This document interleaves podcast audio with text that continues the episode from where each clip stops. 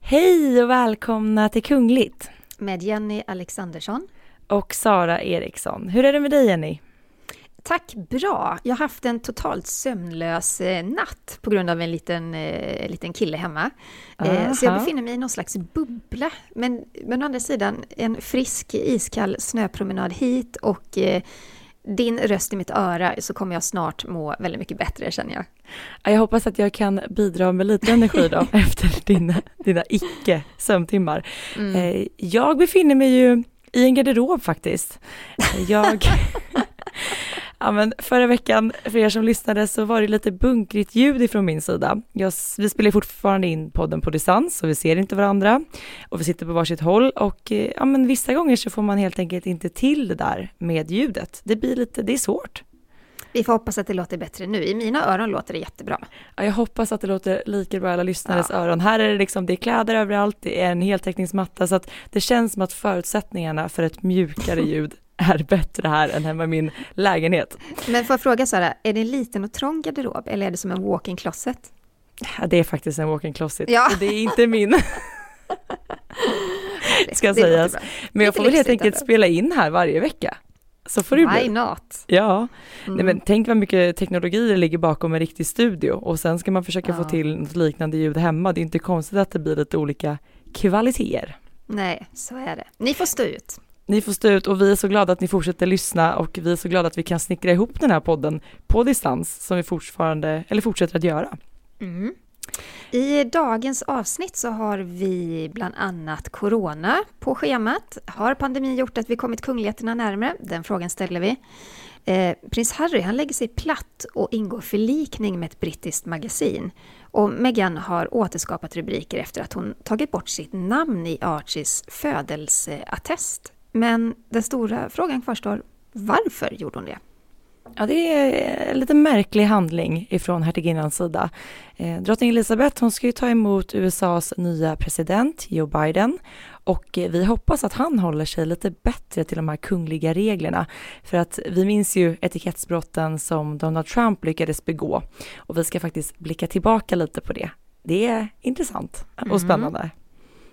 Och eh, kronprinsessan Victoria hon har skickat en hälsning ifrån ett snötäckt eh, slottsträdgård. Och snart ser vi henne även inviga en av årets viktigaste modehändelser. Och vad ska vi prata mer om Jenny? Jo, i Thailand så har regeringen lämnat in ett formellt klagomål mot en framstående miljonär som nu riskerar 15 års fängelse för majestätsbrott. Ja, vi har som vanligt väldigt mycket att prata om och självklart ska vi även svara på era lyssnarfrågor. Vi ska lyssna och svara. ja, men vi startar i Storbritannien och tar en titt på vad hertiginnan Catherine har haft för sig det senaste. Ja, eh, Catherine, eller Kate som vi ofta kallar henne, hon skickade ett meddelande till alla följare på det här kungliga kontot som hon har eh, tillsammans med William då, som heter Kensington Royals. Och eh, det här handlade då om Children Mental Health Week som startade i måndags. Och eh, Kate spelade in ett meddelande under en joggingtur faktiskt. Hon, man ser henne där på videon där hon står på en äng och hon håller i kameran själv och bara pratar direkt från hjärtat utan manus. Det känns väldigt ja, men spontant och avslappnat. Mm. Och det är väldigt ovanligt att vi ser kungligheter på det här viset, eller hur? Ja, men jag tycker det känns helt rätt i den här situationen och som sagt under corona eh, det finns inte så mycket kungligt protokoll i, i, i sådana digitala världar liksom. Så jag tycker det passar perfekt. Vi kan väl lyssna lite på hur det lät. Children's Mental Health Week is all about expressing yourself. That's finding creative ways in which to share your thoughts, ideas and feelings. So whether that's through photography, through art, through drama, through music or poetry, it's finding those things that make you feel good about yourself. Ja, men och det är det här som man undrar då, har vi kommit kungligheterna kanske lite närmre under pandemin? När vi ser dem i så här eh, avslappnade miljöer. Det känns som att vi kanske inte skulle ha gjort det för två år sedan. Nej, men jag, jag tycker verkligen det och vi har ju pratat om det innan. Jag tror vi är ganska överens om det, att man får en helt annan närvaro, även om den är digital så har man fått se så mycket mer av kungligheterna, kanske främst från den här lite yngre generationen. De som står på tur liksom och bli, bli regenter. Det är likadant med kronprinsessan och prins Daniel tycker jag. Men, men visst har vi kommit närmre och särskilt när man ser Kate göra en sån här spontan, alltså det är någonting man ser mest hos influencers, eh, att de liksom gör en liten selfie-inspelning och så pratar de. Men jag tycker hon gör det jättesnyggt och det passar ju verkligen i sammanhanget.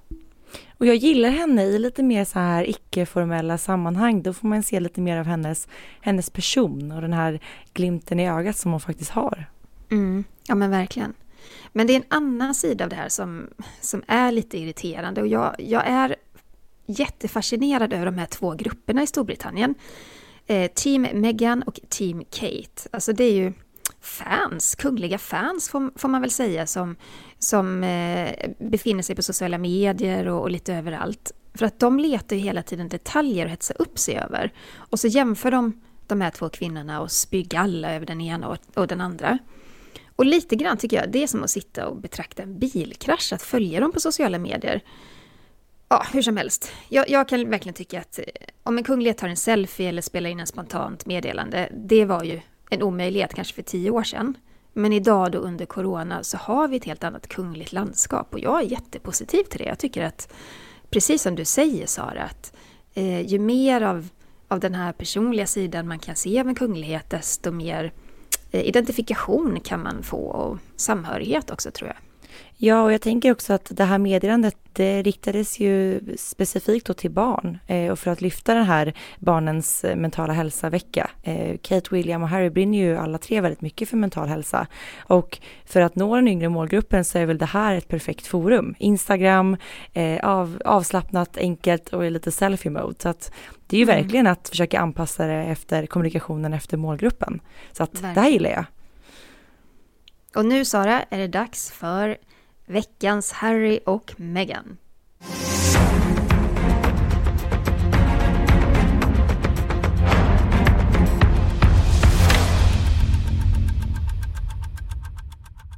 Ja, tänk att det har kommit att bli ett så stående inslag i vår podcast. Det kunde man kanske ha tänkt sig där ett år sedan när bomben slog ner, att det skulle fortgå med nyheter vecka ut ja. och vecka in. Ja men verkligen. Och den här veckan har ju verkligen varit, det var som ett bombnedslag. Först i brittiska medier och sen har det spritt sig över världen. Eh, men vi börjar med att eh, prins Harry har ingått en förlikning med Daily Mail. Det var ju så att när Harry och Meghan lämnade kungahuset förra året så tvingades Harry att avstå från att använda vissa då av sina militära titlar. Det är ju såna här hederstitlar. Och det var ju såklart en stor förlust för honom. Eh, att han inte får använda dem. Han trivdes ju väldigt bra inom det militära och han tjänstgjorde ju även en tid i Afghanistan. Jag tror han tillbringade sig tio år inom det, det militära liksom. Mm. Men nu då så har eh, Mail on Sunday och Mail Online som ingår i Associated Newspaper de har vi pratat mycket om. De har vi pratat mycket om. De har fått mycket plats i vår podd. Ja, de, eh, de här två tidningarna skrev två artiklar där man påstod att prinsen inte hade någon kontakt med Royal Marine sedan han lämnade London och kungahuset. Och de skrev också att personer med hög rank inom organisationen de var förbittrade över Harrys sätt att hantera sin ställning. Och han anklagas även för att ha sagt negativa saker om den brittiska flottan. Och det här eh, gjorde ju prins Harry väldigt irriterad och fullkomligt rasande faktiskt. Och han fick ju för sig då att han skulle stämma tidningarna för vad de hade skrivit. Eh, och i veckan då så nådde de två partnerna någon form av uppgörelse där prins Harry då accepterat en ursäkt ifrån utgivarna på tidningen. Och eh, det här publicerades redan den 27 december och Associated Newspaper ska även betala en stor summa pengar till Harrys organisation Invictim Games Charity. Och eh, ja, det, där också ska sägas, Invictim Games tävlar ju då krigsveteraner i olika sporter, så det har ju liksom samma mycket med de här titlarna som Associated Newspaper hade skrivit om. Så mm. det är väl där själva den här förlikningen sker på något sätt. Ja, men här tycker jag det blir lite intressant för att eh, Harrys advokat, Jenny Afia heter hon, det var hon som nämnde då att eh, Associated Newspaper skulle betala en stor summa pengar, citat. Vad är det då? Vet man Nej, det? men ja, det vet man. Det har ju kommit fram nu för att hon nästan så triumferade med den meningen i ett offentligt uttalande. Och nu i efterhand så har vi fått reda på att den här stora summan pengar, nej, det var ju inte alls en stor summa pengar. Eh, The Guardians reporter Archie Bland, som har bevakat den här rättsliga tvisten, han säger att Harrys advokater krävde 35 000 pund av Associate Newspaper. Vad kan det vara, ungefär 370 000 kronor? Du vet, du vet hur det brukar Någonting- gå när vi ska prata Ja. siffror. Eh, Jag ligger lågt. Någonting sånt. Eh, men domaren då kallade det för ett uppenbart oproportionerligt krav och drog ner den här summan till 2500 pund. Vad kan vi säga att det är 27 000 kronor? Det är ju Ja. en avsevärd skillnad verkligen. Och de, det ska då gå till Harrys organisation, Invictim Games, som ska Ja. få de här pengarna. Okej. Mm. Precis. Eh, Men det är Eh, skillnad på vad hon då eh, trumvirvlade för ja. först. Men det, det känns också mycket som ett PR-krig, hela, hela det här liksom, allt som har med Harry och Meghan att göra. Men eh, advokaten då, Jenny Afia, hon säger också i det här uttalandet att eh, hertigen av Sussex, citat, gjorde upprepade, för, eh, upprepade försök och samordnade ansträngningar för att stödja Royal Marines och andra medlemmar av de väpnade styrkorna och deras familjer under det senaste året, även om han var tvungen att avgå från sina formella militära roller. Slutcitat. Så, så i det här pressmeddelandet så trycker verkligen Harrys team på att han har visst behandlat Royal Marine bra, eh, försökt att ha kontakt med dem och stödja dem på alla sätt då. Ja. Och det är viktigt nu att man inte förväxlar den här rättsliga tvisten med det vi så ofta pratar om, Megans stämning mot samma förlag, alltså Associated Newspaper. Eh, för det har ju varit två olika processer Mm. och där har då Harrys process avslutats nu. Eh, men Meghan har ju stämt tidningarna på grund av en helt annan sak då. Det handlar ju då om det här eh, att de har pu- publicerat det här privata brevet som hon skrev till sin pappa före bröllopet. Och den rättegången har ju blivit framflyttad nu från januari till i höst istället. Mm, just det. Men vi har ju såklart mer att prata om. Vi ska stanna kvar hos Harry och Meghan ett tag. Eh, för varenda liten sak de gör blir ju alltså ofantligt stor, särskilt i brittisk press just nu. Och uppenbarligen här i vår podd också. Ja, men det är som att medierna rapporterar ännu mer intensivt kring det här paret sedan de lämnat kungahuset, eller hur?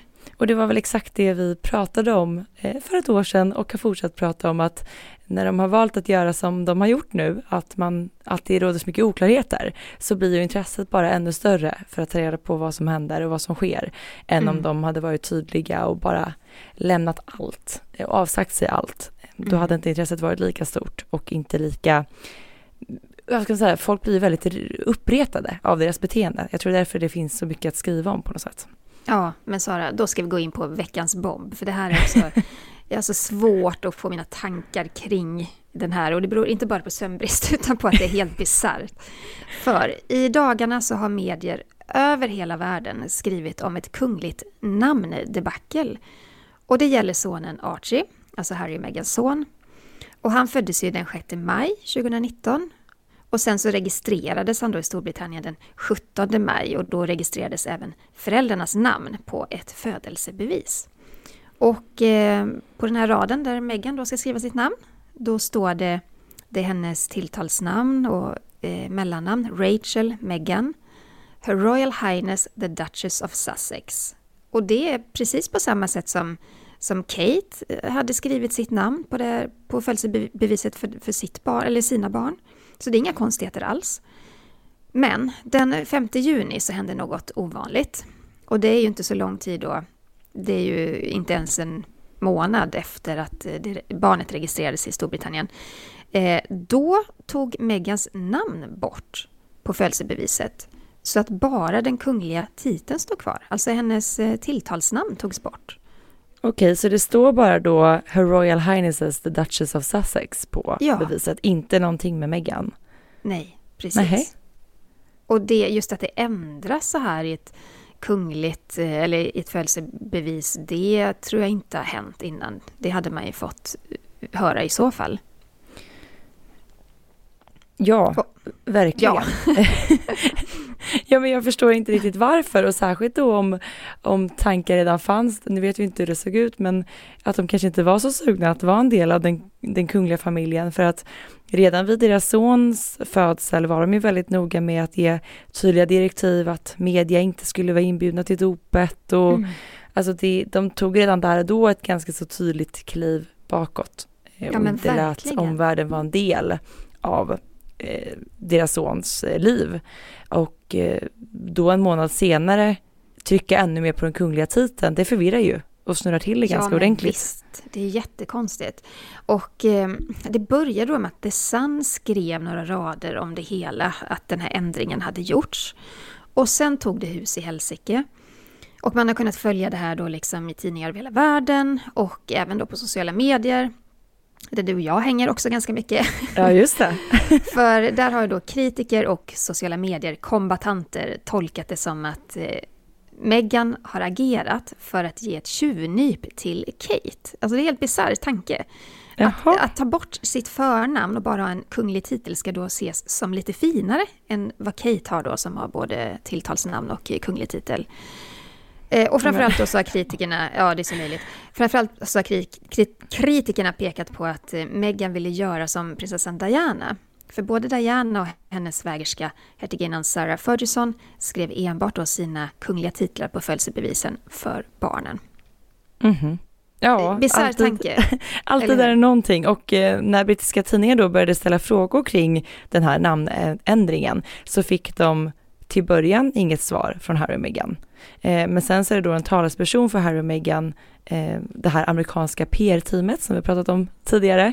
Eh, men det var ganska så spetsigt skrivet och man menade att namnändringen var dikterad av hovet snarare än de själva. Ja, och det här ordet dikterad, det har kommit att bli väldigt, väldigt viktigt. Eh, Buckingham Palace, de har ju vägrat svara på några frågor alls kring det här namndebaclet och det kan man ju förstå, det är liksom en höna av en fjäder. Men eh, Daily Mail, eh, de har då i sin artikel en källa eh, som jobbar vid hovet. Eh, och den 2 februari, i onsdags alltså, så svarade hovet informellt då att eh, Buckingham Palace och hovet har inte alls dikterat några ändringar på ett födelsebevis. Drottningens stab har ingenting alls att göra med den här namnändringen. Istället så pekar man på att det var Harry och Meghans egen stab vid Kensington Palace som genomförde den här ändringen. Mm -hmm. Då blev det ord mot ord igen, även där. Igen. Och eh, brittiska hovexperter och hovanställda har ju även konstaterat att det finns inget kungligt protokoll kring hur man fyller i det här attestet eftersom att det är ett civilt dokument och kungafamiljen har liksom valt att göra det på lite olika sätt genom åren. Men det som är det oklara är ju varför man väljer att ändra det. För det har ju egentligen ingen betydelse så. Nej men verkligen, så att det här mysteriet om vem som ändrade det förblir ju olöst. Men eh, det här amerikanska PR-teamet och talespersonen för Meghan och Harry har då skrivit så här, citat. Det ändrades för att säkerställa överensstämmelse mellan hertiginnans namn och titel och andra privata dokument. Slutcitat. Och jag bara kan tänka mig, jaha, skulle det överensstämma då med hennes pass kanske, eller med andra så här viktiga dokument? Ja. Det råder ju inga oklarheter kring vem som är Archies mamma oavsett. Så att... Nej men verkligen återigen supermycket rubriker, det blir skriverier för en sån liten grej som inte ens är av betydelse egentligen.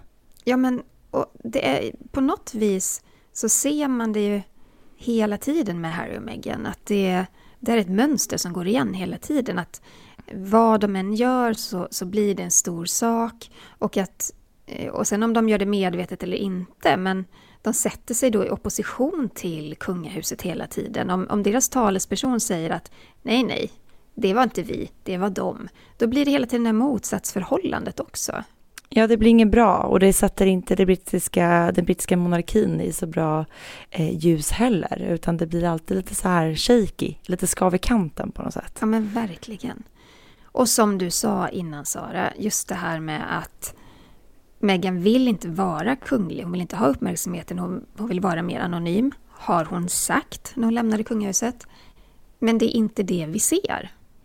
Det är snarare ännu viktigare om man nu vill ändra den här typen av dokument som inte ens är av betydelse till mm. att trycka på de, de kungliga titlarna.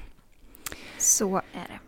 Och apropå kungliga titlar och kungafamiljen som paret då har valt att backa tillbaka ifrån så har vi pratat om det i förra veckans avsnitt av Kungligt att prins Harry planerar att återförenas med familjen.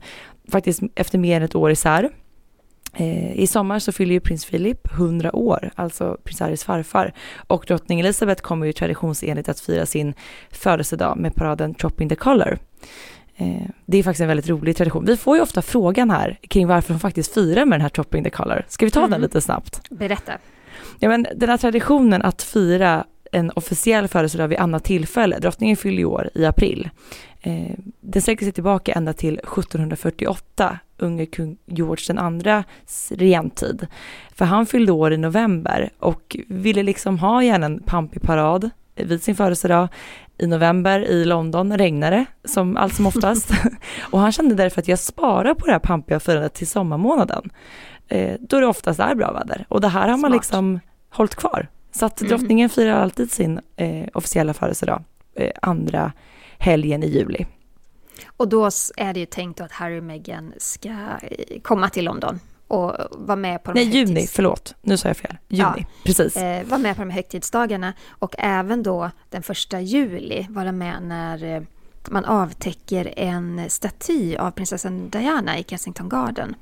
Eh, för den första juli då skulle Diana ha fyllt 60 år och eh, det är i samband med den här uppmärksammande, uppmärks, att man vill uppmärksamma födelsedagen som de då sätter upp den här statyn. Och Harry och William de har varit drivande i det projektet och eh, det är klart att de ska vara närvarande.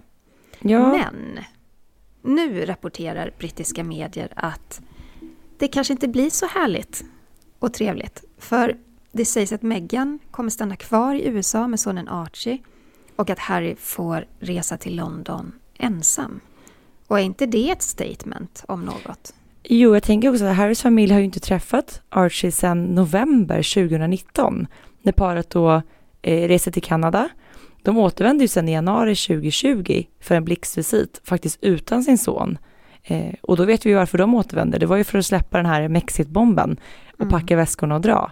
Så att familjen har inte fått träffat Archie, de har inte träffat Harry och Meghan på länge och om Meghan nu väljer att inte följa med och stanna med sonen där borta, vad, alltså hur ska det tolkas? Det är ytterligare ett väldigt tydligt statement att hon inte vill vara en del av det här kungliga som hon så gärna vill vara en del av i vissa sammanhang. Jag, jag tänker också att om hon inte följer med eh, och, och, även sonen då inte heller får komma till London, eh, det bryts ju någon slags kontakt där mellan Archie som trots allt är i tronföljden och en del av familjen. Han kommer inte ha någon kontakt med sina släktingar på alltså sin första tid i livet. Och om Meghan inte följer med, jag tänker att det är ett sånt tydligt bevis för att det finns en djup spricka mellan henne och de andra i kungafamiljen. Och det är ju otroligt sorgligt. Verkligen.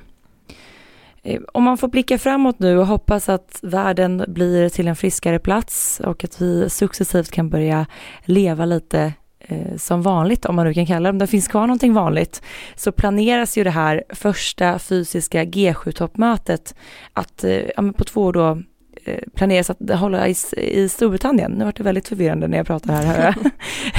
det, mötet planeras att hålla i Storbritannien den 11 ja. till 13 juni i år.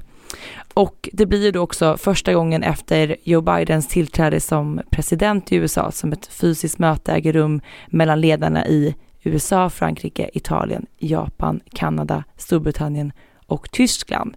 Och där sägs att klimatförändringar och den globala hanteringen av coronapandemin väntas stå högst upp på dagordningen.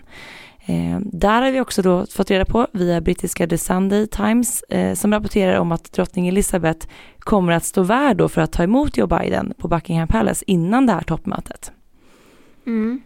Och det besöket det blir ju även ett av drottningens första uppdrag för att sakta men säkert återgå till det normala kungliga arbetet. För drottning Elizabeth och prins Philip de har ju fått sin första dos med coronavaccin. Eh, de kommer snart få sin andra dos och då blir det såklart lättare för dem att återgå till, till ett arbete.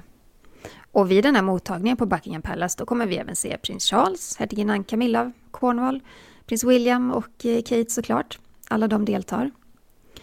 Och eh, det sägs ju också att både drottningen och prins Charles ska skicka ett gratulationstelegram till Biden i januari. Det gjorde faktiskt även vår egen kung också. Mm. Det var ju många statschefer. Det är väl ganska kutym tror jag, att man gör ja, det det, det vore nog märkligt, märkligt om de inte gjorde det. Eh, mm. faktiskt. Eh, men det blir ju fullt upp för kungafamiljen under det här besöket för att precis dagarna innan har ju då prins Philip fyllt 100 år. Och det här mötet pågår ju mitt under drottningens födelsedagsparad. Eh, så Men menar, alltså... du, menar du att det är samma dag som Trooping the Color som hon ska träffa Joe Biden? Nej, jag har tolkat det som att själva mötet kommer att hållas samma datum, alltså under Trooping the Color. Men enligt då um, källorna så ska ju drottningen ta emot Biden innan toppmötet. Mm. Så att det sker säkert några dagar innan där. Annars men det, det blir stressigt. Det hade blivit stressigt. Men det blir ändå hektiska dagar. Jag tänker nu har Philip och Elizabeth suttit på Windsor Castle här i snart ett år och eh, tagit det mesta via länk.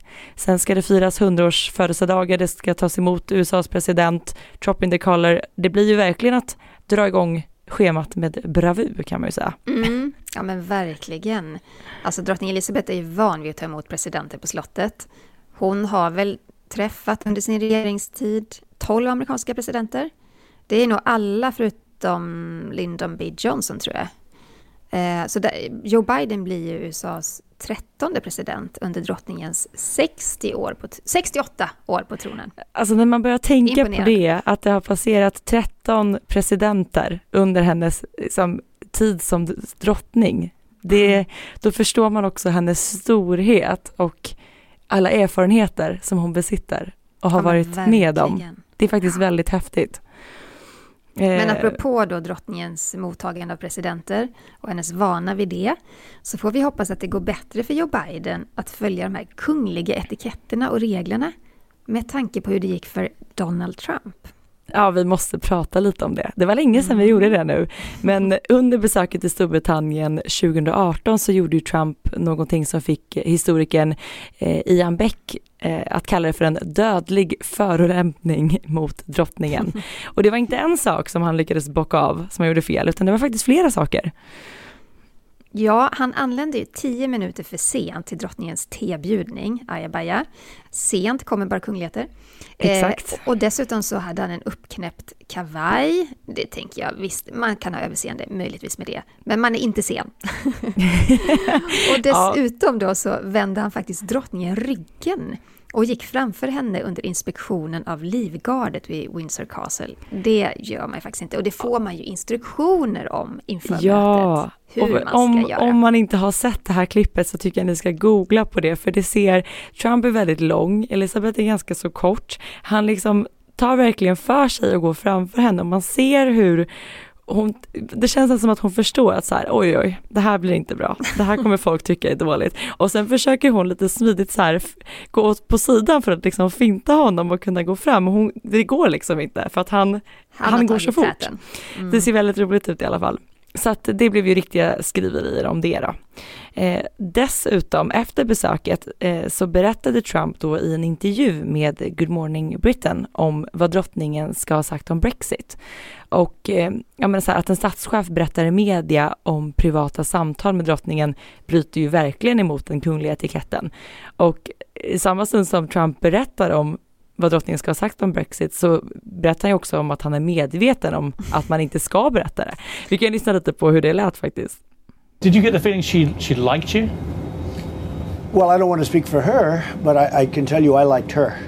So usually that helps, but I liked her a lot. Did you discuss Brexit with the Queen? I did. What did she say? Uh, she said it's a very, and she's right, it's a very complex problem. Did she give any clue as to which way? Well, I, I can't talk. You know, I've heard very strongly from a lot of people, you just don't talk about that conversation with the Queen, right? You don't want to do that. Ja, det där är ju för galet, men ja, det var inte det, det var inte det sista han gjorde heller, för att vid ett senare besök 2019 så skakade Trump och Melania hand med kungafamiljens medlemmar. Och de bugade och neg inte för drottningen. Och fine i en modern eh, monarki, det kanske inte är nödvändigt, men samtidigt om alla andra gör det och de inte gör det så blir det mer som någon slags symbolisk handling tycker jag. Och fel nummer två, det var ju att Melania sträckte fram sin hand till prins Charles. Och enligt kunglig etikett så är det kungligheten som initierar en handskakning, alltså sträcker fram sin hand först. Så det känns som att de hade missat ganska mycket information där från hovet Ja, kanske. man kan ju inte tänka sig att de hade några flygtimmar. Då kunde man väl ha gått Mm. igenom lite kunglig etikett. Och dessutom så verkar de ju ha lite svårt där att hålla tiden. För att eh, paret kom ju faktiskt 40 minuter för sent till den här mottagningen på Buckingham Palace. Kanske var det det som fick prinsessan Anne att lacka ur. Hon vägrade ju faktiskt skaka hand med presidenten. Hon kanske var tidskränkt. Ja men verkligen. Men eh, åh, Anne, jag älskar ju prinsessan Anne. Hon eh, är en frisk fläkt i det brittiska kungahuset måste jag säga. Hon är superhärlig. Mm. Och eh, dessutom, det här är också helt otroligt, så nickade Trump till under drottningens tal som hon höll till hans ära. I vilket fall såg det ut så? Mr. President, I'm delighted to welcome you and Mrs. Trump to Buckingham Palace this evening. Just 12 months after our first meeting at Windsor. Ja, det där var ju ingen succé och när Trump själv då eh, håller sitt tal så la han dessutom sin hand på drottningens rygg, vilket inte uppskattades. Man lägger inte sin hand på drottning Elizabeth hur som helst. Mm. Trump han skapar många rubriker under sitt besök och det känns som att Joe Bidens visit, den kommer nog att genomföras lite smidigare. Jag har en känsla av det. Det känns som att det kommer kanske inte skapa lika mycket sådana här etikettsrubriker. Nej. Men vi tar en titt på Sverige tycker jag, för det var Länge länge sedan vi pratade om svenska kungafamiljen. Ja. Eh, förra veckan så skickade kronprinsessan Victoria en hälsning till Naturvårdsverkets och SLU Centrum för naturvägledningens... Nej men du vet, det här måste... Nu, får jag, du, nu måste jag så titta i mina fuskpapper Sara, för att nu, nu så här... här kommer min eh, natt, dåliga nattsömn in. Vi, Hon nej, närvarade vid ett seminarium om allemansrätten. Eh, så mycket lättare att säga. Ja, Ja. Hon närvarade vid ett seminarium all, om allemansrätten. Eh, och då spelade hon faktiskt in en videohälsning. Och det var så vackert för att det var verkligen, hon stod mitt i ett så här snötäckt eh, vinterlandskap. Och eh, pratade också ganska spontant. Vi kan lyssna lite på vad kronprinsessan sa. Mina damer och herrar. För några år sedan fick jag en fantastisk möjlighet. Under två års tid fick jag göra vandringar genom alla Sveriges landskap. Det blev 25 vandringar. På pilgrimsleder, genom skogar och över stränder. I regn, i snö, i hagel och ibland även i strålande solsken. Victoria är ju väldigt duktig på det här att alltid lyfta vår svenska natur. Hon säger att svenska naturen är en skatt och både kronprinsessan och ja, hela kungafamiljen, de är ju riktiga friluftsmänniskor som gärna vistas utomhus året runt. Mm. Och det tycker jag man ser ofta när de lägger ut bilder på familjen och på barnen och sådär. Då är det ofta ifrån, ifrån alltså utomhus. Mm. Men Victoria hon är inte bara intresserad av friluftsliv. För på senare år så har hon ju även engagerat sig i svenskt mode. Och det tycker jag är härligt för att hon har ju själv sagt att hon är dålig på att klä sig. Och nu har hon ju de senaste, de senaste åren, ganska många år, haft hjälp av en stylist när hon klär sig. Men eh, hon tycker ändå det är viktigt att engagera sig i svenskt mode. Och eh, i augusti så invig, invigde ju hon Stockholm Fashion Week. Och då, på grund av rådande omständigheter, det var i augusti, då fick man ju ställa om. Så att det blev som en digital invigning istället. Och hon kommer nu göra eh, samma sak. Hon kommer att inviga Fashion Week den 9 februari. Och då antar jag också att det blir digitalt helt enkelt.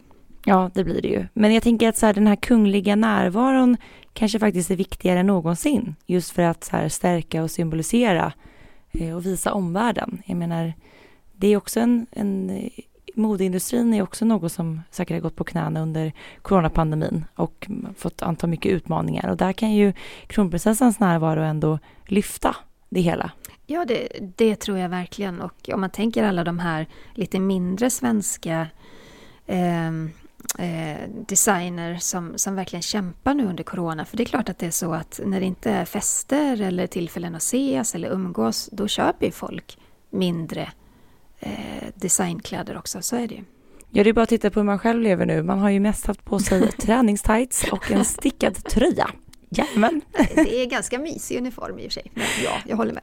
det vore kul, man saknar ändå att klä upp sig, eh, men det finns ju inga tillfällen att göra det, så att man, ja, jag längtar även efter att få se kungligheterna in action. Ja, men verkligen.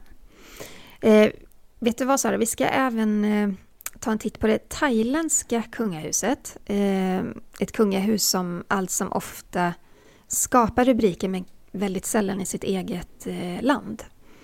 För eh, i veckan så lämnade den thailändska regeringen in ett formellt klagomål. Och det är mot en framstående miljonär och eh, tillika oppositionsledare. Eh, jag skrev mig på ett försök att uttala hans namn. Eh, Thanatorn Yuangrun Grankit. Och märk väl, jag kan verkligen har fel här. Men Thanatorn Yuangrun Grankit.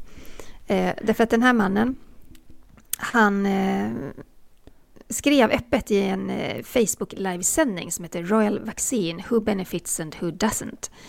Och där kritiserade han den här vaccinutrullningen och eh, kritiserade på, på ett sätt också eh, kungafamiljen. Ja, precis, för att han kritiserade då den här nationella vaccineringen och sa att regeringen var alltför eh, beroende av eh, Siam eh, Bioscience eh, som är ett företag som också ägs av eh, Crown Property eh, Bureau. Bu, Byrå. Byrå. Vad bra det går. Han menade då att de saknade erfarenhet av den här vaccinframställningen och han undrade också om eh, en regering om regeringen gav då eh, dem någon form av förmånsbehandling för att få det här vaccinkontraktet på grund av dess närhet då till det här Crown Property som förvaltas av den thailändska monarkins Alltså det är en del av deras egendom. Så de går väldigt hand i hand. Det är väl det Mm. som har kritiserats. Mm, att Eh, det är så att- starka kopplingar till, till kungafamiljen. enkelt. Precis. Eh, och vi har ju pratat om det tidigare att i Thailand så pratar man inte om kungahuset och dess medlemmar hur som helst. Eh, och han borde kanske tänkt till lite innan han gjorde det här i ett öppet så Facebook livesändning. För nu anklagas ju han för kungligt förtal. Eh, och den som döms för att ha förolämpat, förtalat eller hotat kungen, drottningen eller arvtagaren kan ju faktiskt enligt den thailändska strafflagen dömas till 15 års fängelse för majestätsbrott. Och det här är helt, det är så bisarrt. Det är så, det är verkligen det yttersta tecknet på att, eh, att Thailand eh, inte har ett uns demokrati i sig, verkligen.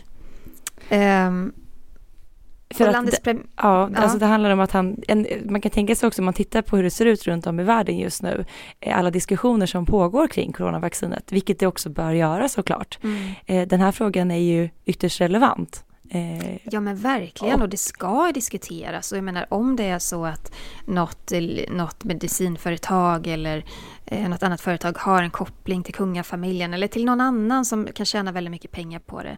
Det är Och klart fått att det ska fördelar, upp i liksom. luften. ja. Och landets premiärminister han var med och formulerade då klagomålet mot den här miljonären. Och han skriver i ett uttalande att Tanatorn förvrängde fakta, orsakade missförstånd bland människor, kränkte monarkin vilket upprörde thailändska människor som älskar och skyddar sin monarki. Slut citat. Äh, jag blir bara så... Jag blir så eh, ledsen av det här. Ja, framförallt så kommer nog inte du och jag få resa så mycket till Thailand framöver. med Vi är nog kanske mycket inte vi, välkomna där. vi nej. pratar om det här i podden. Men eh, vi har pratat om det mycket tidigare att eh, just i våras där när det blev mycket demonstrationer kring eh, kungens agerande i pandemin och så vidare, eh, att det är väldigt vågat och modigt av de människorna eh, som ändå står upp för det med tanke Mm. på vad man kan dömas till. Ja men verkligen. Och det är ju inte bara det här fallet som har varit på tapeten nu. Och, eh, tidigare i veckan så dömdes den tidigare regeringsanställda Ankan Prelert. Eh, förlåt om jag säger fel. Eh, men han fick 43 års fängelse efter att ha förolämpat kungafamiljen då han laddade upp en antimonarki-ljudinspelning på Youtube och Facebook. Mm. Så Ja. att eh, vi lär ju återkomma till det, det thailändska Ja, kungahuset. och jag känner också att så mycket konstigheter som den nuvarande thailändska kungen också själv har eh, bidragit till. Och han har inte ens befunnit sig i Thailand under corona. Han har ju bott på ett hotell i Tyskland med hundra anställda och konkubiner och allt vad det är. Och hans hustru drottningen har bott i, var det Schweiz eller Ja, Österrike? precis. Alltså, de var inte ens i landet under den här pågående under en krisen. lång period. Och eh, jag vet inte. Eh, Nej, jag blir, jag blir beklämd bara över allt det här. Det är väldigt märkligt allting. Mm. Vi går in på lyssnafrågor istället. Jag känner att det kan muntra upp oss lite mer. Skicka gärna in sorgliga fler. thailändska historien. Ja, skicka in eh, fler frågor till kungligt aftonbladet.se. Och då har vi fått en fråga ifrån eh, Lukas. Han skriver så här. Tja! Hur var relationen mellan Sarah och Diana? Var de nära vänner? Och har Sarah någon gång uttalat sig om alla turer kring Dianas död och relation till kungafamiljen? Tack för bästa podden. Hälsningar Lukas. Tack själv var, Lukas. tack själv Lukas, vad kul att du lyssnar. Ehm, ja, alltså i Sarahs självbiografi som gavs ut i slutet av 90-talet så skrev ju hon faktiskt bland annat att hon såg sig själv som en äldre syster till Diana och att hon också skyddade henne som en lilla syster. Det tycker jag säger ganska mycket om deras relation och liksom hur, hur de stod varandra nära. Men brittiska tabloider, de älskade ju att liksom skriva om Diana och Sarah som fiender. Och det här är någonting som konstant återkommer, eh, fast man tänker sig att det ska gå framåt och att inte det ska kännas så rätt att göra det, så ser vi ju det, precis som vi pratade om tidigare i podden, att det sker ju hela tiden mellan Kate och Meghan också. Ja, Sofia Madeleine också ett Ja. exempel. Att man alltid liksom ska måla upp två kvinnor som rivaliteter gentemot varandra, vilket Mm. är jättetråkigt. Ehm, men eh, Sarah och Diana kände ju faktiskt varandra innan de gifte in sig i den brittiska kungafamiljen. Deras mammor var ju vänner från skolan eh, och faktiskt så var Diana och Sarah även släkt, eh, femmänningar. Väldigt långt bort är ju en femmänning. Mm. Nu kan, kan inte jag det i huvudet vad det är faktiskt, men det var genom Georgina, hertiginnan av Devonshire, eh, Mm. som de var släkt. Men de stod varandra väldigt nära hela tiden och det sägs ju att de faktiskt blev ännu tajtare efter att de båda brutit sig loss ifrån kungafamiljen eh, och skilde sig. Man såg dem ju semestra tillsammans och att de umgicks. Eh, men sen hände ju någonting mellan dem, bara ett halvår innan Diana eh, förolyckades i den här trafikolyckan. Då slutade de prata med varandra och Sarah har ju själv sagt i intervjuer att det var någonting som hon själv gjorde som fick Diana ta avstånd. Mm. Vad vet inte jag. Och det kanske är någonting väldigt privat som eh, vi kanske aldrig får reda på varför de slutar prata med varandra. Men som sagt, jag tror svaret på frågan är att de var ju betydligt närmare varandra än vad media framställde i alla fall. Mm. Absolut. Vi har fått en fråga ifrån Niklas. Hej på er, tack för en kanonpodd. Hade det, varit, hade det inte varit för er hade jag nog aldrig blivit en royalist. Jag har en fråga. Om det finns någon särskild anledning till att man titulerar kungligheter på olika sätt eller om det främst beror på historiska förändringar av språket. De uttryck jag tänker på är ers höghet, ers majestät, majestät och på engelska mam sir. Vet ej om det finns någon eh, tillämplig svensk motsvarighet. Ha det fint, hälsningar Niklas. Tack för frågan Niklas och vad härligt att du lyssnar. Ehm, det finns ju en skillnad eh, mellan Ers höghet och Ers majestät. Ers majestät det tituleras ju endast regerande kung eller drottning. Och Ers kungliga höghet det tituleras prinsar och prinsessor. Så det har ju att göra med olika kungliga statusar. Och mam och sir, det är ju brittiskt. Och vi har inte riktigt någon motsvarighet i Sverige. Det skulle ju inte vara artigt att säga fru eller madame till drottningen. Men det har en annan betydelse och en annan innebörd på engelska. Chris O'Neill till exempel, han har ju berättat att han säger sir till kungen och han säger ma'am till drottningen. Och eh, när han gör det med den brittiska innebörden så är ju det mycket artigt helt enkelt. Det låter ju så flott när man säger ma'am på engelska. Mm, eller hur? Det gör verkligen det. Madame på- har inte samma ton. En helt annan klang. Inte alls lika trevligt. Nej. Vi har en eh, fråga också från Eva. Hej! När kungen signerar kondolenser och gratulationstelegram så står det signerat Carl Gustav R. Vad står R för? Ja, R står ju för rex, eh, vilket, eller rex, vilket är det latinska ordet för kung. Och samma sak gäller exempelvis, man ser när drottning Elisabeth skriver så har hon också ett R bakom sitt namn och det står då för eh, Regina, vilket betyder drottning på latin. Mm. Så det är en väldigt, väldigt gammal, eh, gammalmodighet som hänger kvar Mm. i den här typen eh, av ja, skrivelser. Vi har en sista fråga här som är ifrån eh, okänd avsändare. Okänd avsändare. Mm. Ja, det står så här. Hej och tack för en bra podd. I någon av de första säsongerna av The Crown anställer Elisabeth en privatlärare eftersom hon upplever att hon inte fått någon god allmänbildning. Hon menar att hennes utbildning bara handlat om sådant som direkt berör hennes arbete som drottning. Kan detta verkligen stämma? Tycker det låter konstigt att en blivande monark inte skulle fått en bred allmänbildning. Tänker att det finns ett eh, bildningsideal i den gamla överklassen och tycker det låter konstigt att det inte skulle präglat hennes utbildning. Tacksam om ni kan reda ut mina frågetecken. Ja, men det ska vi göra. Eh, när drottning Elizabeth var liten så var ju inte hon påtänkt som blivande drottning. Det var ju hennes farbror som var kung och som skulle producera arvingar till tronen. Men när han abdikerade, då blev det ju mycket mer fokus på Elisabeths utbildning. Hennes far blev ju kung då istället. Och när hon var sju så fick hon en guvernant som hette Marion Crawford. Och eh, Elisabeth blev alltså hemskolad och hade lektioner hemma. Men eh, man kan ju säga så här, de lektionerna var ju inte särskilt intensiva när hon var liten. Eh, för hon hade lektioner mellan halv nio på morgonen och elva varje förmiddag. Och sen var eftermiddagarna då vikta åt lek, utomhus, danslektioner, sånglektioner. Men när hennes pappa då blev kung 1936, då blev ju Elisabeth tronarvinge.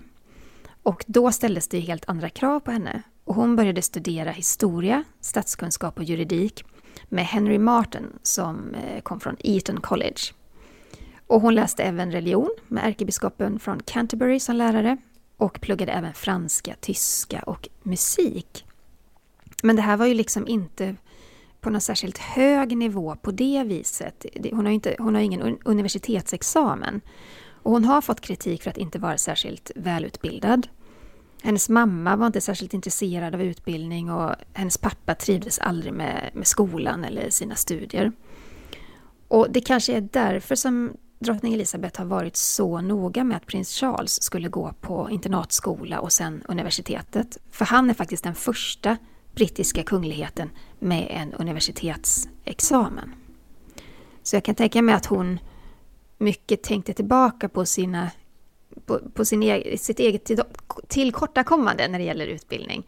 Sen kan man ju säga efter alla de här åren, jag tror inte det finns någon mer allmänbildad drottning än drottning Elizabeth. Med alla de människor hon har träffat, alla de länder hon besökt, allting hon har upplevt, det är ju både liksom världskrig och Berlinmurens eh, byggande och fall och allt däremellan. Så att det är inte så att hon... Eh, hon är väldigt smart, hon är allmänbildad. Men ja, hon saknar kanske då akademisk utbildning helt enkelt. Vilket utförligt svar, Jenny. Eh, tack. Men jag tycker, det, jag tycker det är spännande för att jag, jag, vet att jag också skrev, eh, jag har skrivit väldigt många artiklar om eh, kronprinsessan Victorias utbildning och där har man verkligen sett att kungen och eh, drottningen har gjort en plan för henne för att hon ska vara så förberedd som hon bara kan vara. Och där ingår ju väldigt mycket akademisk utbildning. Där har man ju verkligen plockat liksom, vad ska man säga, russinen ur kakan för att mm. få den så bra formad egentligen som, som möjligt. Verkligen. Det är bra det. Det är väldigt bra. Tänk vad fort det går att eh, podda. Varje vecka ja. tänker man att vad ska vi prata om den här veckan? Och, och sen, vi fyller alltid ett program. Exakt.